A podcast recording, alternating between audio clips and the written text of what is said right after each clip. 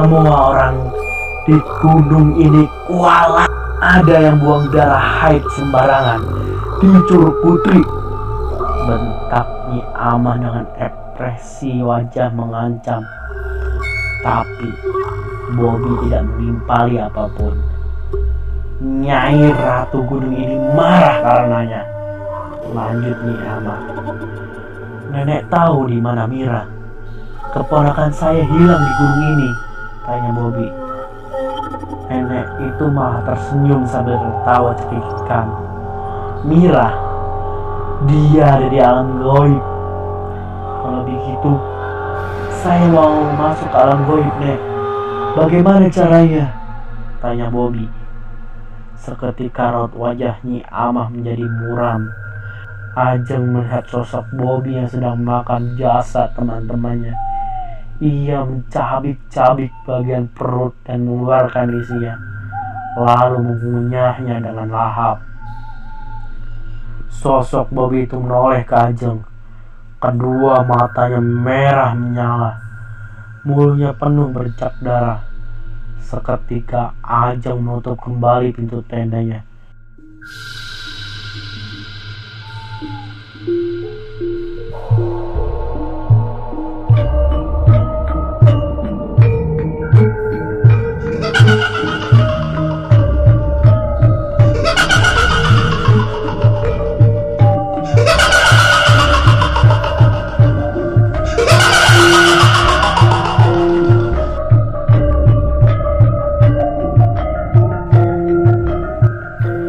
Assalamualaikum warahmatullahi wabarakatuh. Salam Sobat Misteri hari ini Berjumpa lagi sama gua Dias Eka Kusuma Yang di mana bakal nemenin sobat-sobat misteri hari ini. Bagi sobat-sobat misteri hari ini Yang belum mengikuti podcast misteri hari ini Sok klik icon ikuti biar nggak ketinggalan cerita-cerita yang bakal misteri hari ini sediain. Teruntuk sobat-sobat misteri hari ini harus tetap menjaga kesehatan, memakai masker bila keluar rumah, mencuci tangan, lalu menjaga jarak dan serta selalu mendapatkan perlindungan dari Tuhan yang Maha Kuasa dari seluruh wabah yang ada. Pada episode kali ini, gua bakal bercerita kembali mengenai Kualat Gunung Pulau Sari 2 yang di mana pada episode sebelumnya telah kita dengarkan bahwa Om Bobby telah berbuat yang dapat membuatnya kualat di Gunung Bulosari dan Ajeng yang diikuti oleh sosok yang menyerupai Om Bobby. Nah, naskah dari Kualat Gunung Bolosari 2 ini juga ditulis oleh penulis kesukaan gue yaitu Mbah Mesot pada Pexia di kumparan.com Pastinya sobat-sobat misteri hari ini sudah penasaran dengan ceritanya kan? Mari dengarkan di podcast misteri hari ini. Misteri hari ini. Selamat mendengarkan.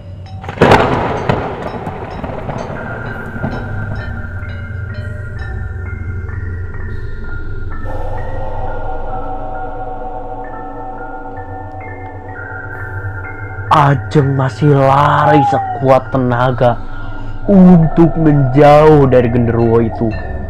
Kini, suara raungan itu seperti ada di atas kepala Ajeng. Wanita itu berteriak minta tolong. Dia berharap ada seseorang yang muncul dan menyelamatkannya. Ketika Ajeng melewati akar pohon besar, kakinya tersandung dia pun jatuh dan bagian kepalanya membentur akar pohon dengan sangat keras. Masih dalam keadaan sadar, Ajeng terkapar tak berdaya di bawah pohon itu. Darah mengalir keluar dari kepalanya dan saat Ajeng berkedip, genderuwo itu sudah ada di hadapannya. Makhluk itu tidak lagi menyerupai Bobby. Tubuhnya besar dan berbulu. Kukunya panjang berwarna hitam pekat. Taringnya menjulur hingga ke perut dan kedua matanya merah menyala. Genderuwo itu menjilati wajah Ajeng yang penuh dengan darah.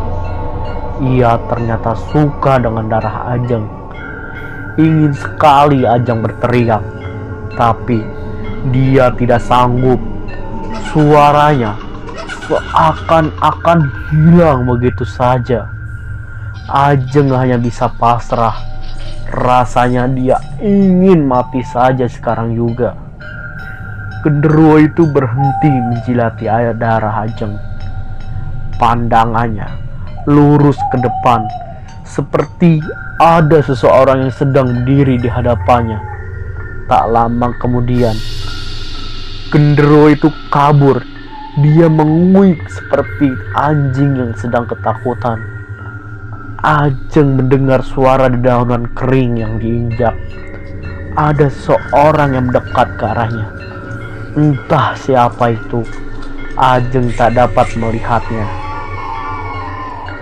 Lain hal yang terjadi dengan Bobby. Dia dibawa ke sebuah keraton yang megah. Di pintu keraton itu banyak sekali dayang-dayang cantik yang mengenakan selendang warna-warni. Para dayang itu juga beraroma harum sekali. Bobby tidak pernah mencium aroma seharum ini. Bobby masih diseret paksa oleh seseorang yang tak bisa dilihatnya. Kedua tangan Bobby menahan ikatan tali di lehernya agar dia tetap bisa bernafas. Tali yang mengikat lehernya itu dibentangkan secara mendadak, membuat tubuh Bobby terpental.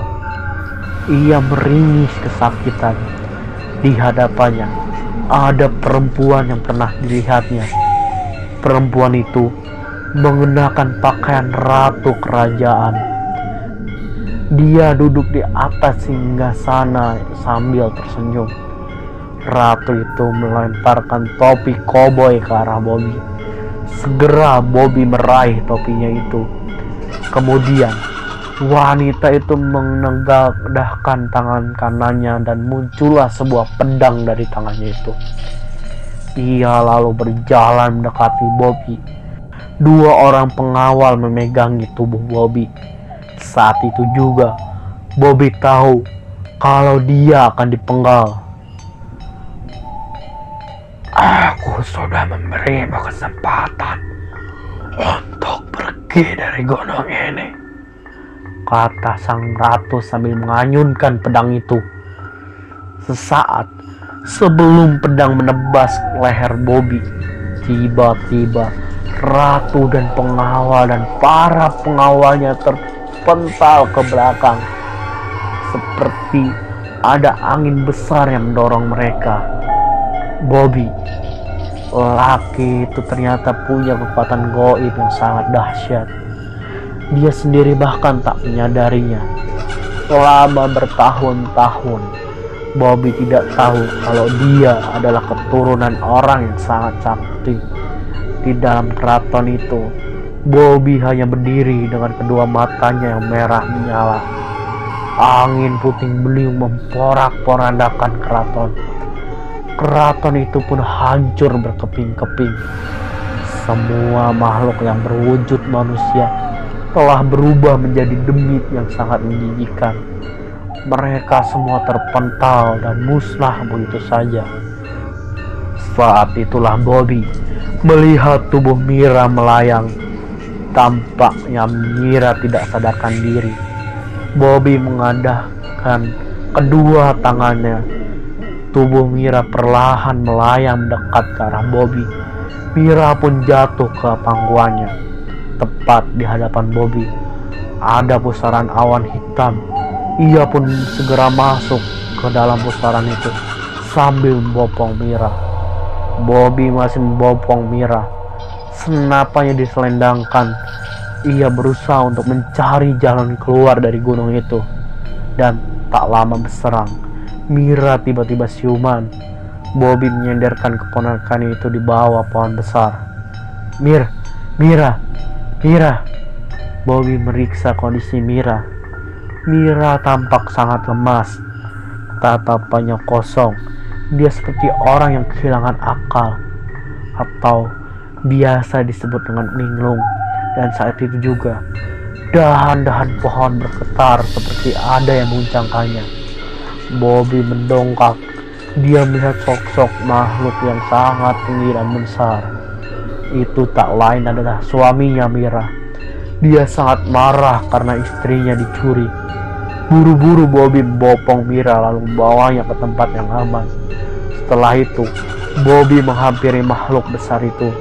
Makhluk itu meraung lalu mengayunkan tangan kirinya hendak menghantam Bobby. Bukannya membuat Bobby terpental, tangan kiri makhluk itu malah hancur berkeping-keping. Kekuatan goib yang Bobby miliki sangat dahsyat. Maklum, dia keturunan kepala desa sakti yang pernah menaklukkan Ratu Gunung Pulau Sari. Makhluk raksasa itu meraung seperti kesakitan.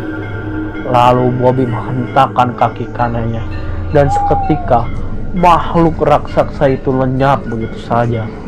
Bobby kembali menghampiri Mira. Perempuan itu sama sekali tak bisa bicara apa pun. Sini, sini om bantu Mira. Bobby membantu Mira untuk bangun.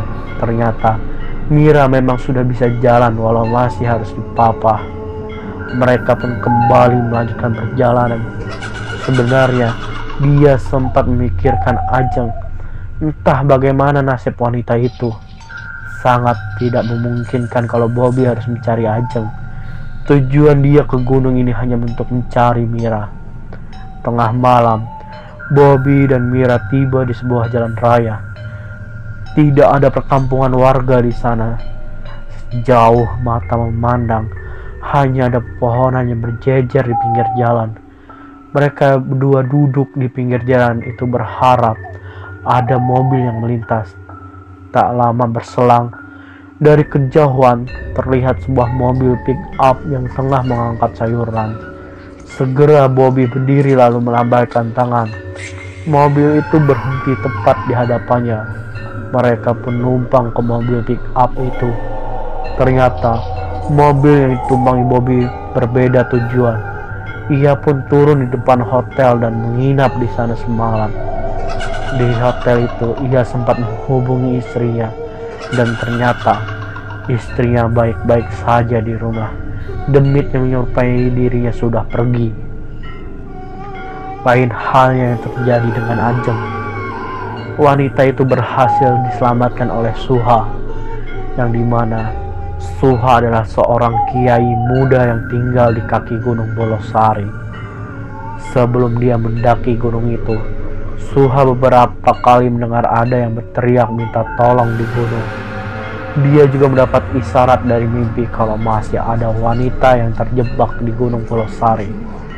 Suha bersama tiga orang santrinya mendaki gunung itu dan mencari sumber suara yang selalu ia dengar setiap malam. Tak butuh waktu lama bagi Suha untuk menemukan Ajeng. Malam itu dia mendengar wanita yang berteriak minta tolong.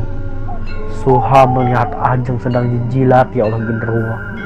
Kiai muda itu pun baca ayat-ayat suci membuat Demit lari ketakutan. Ajeng dibawa ke pesantren dan dirawat selama berhari-hari di sana.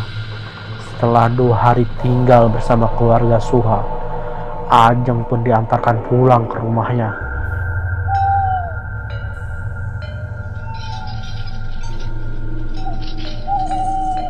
Begitulah kisah sederhana dari Kualat Gunung Bolosari yang di mana setiap orang yang naik gunung haruslah menjaga sikap dan perkataan sebab kita tidak hidup sendirian. Ada makhluk goib yang tak kasat mata dan mereka ada di sekeliling kita. Maka dari itu teman-teman selalulah mendekatkan diri ke Tuhan yang Maha Kuasa dan selalu percaya kalau kita selalu hidup berdampingan karena semestinya alam merupakan tempat mereka. Apalagi sebuah gunung yang sudah menjadi sarang mereka. Kita selaku tamu harus selalu menghormati dan menjaga dan merawat apa yang ada di sana. So seperti itulah nilai-nilai yang dapat kita ambil dari cerita Kuala Gunung Sari sekian dari gua. Dias Eka Kusuma izin untuk undur diri. Misteri hari ini selesai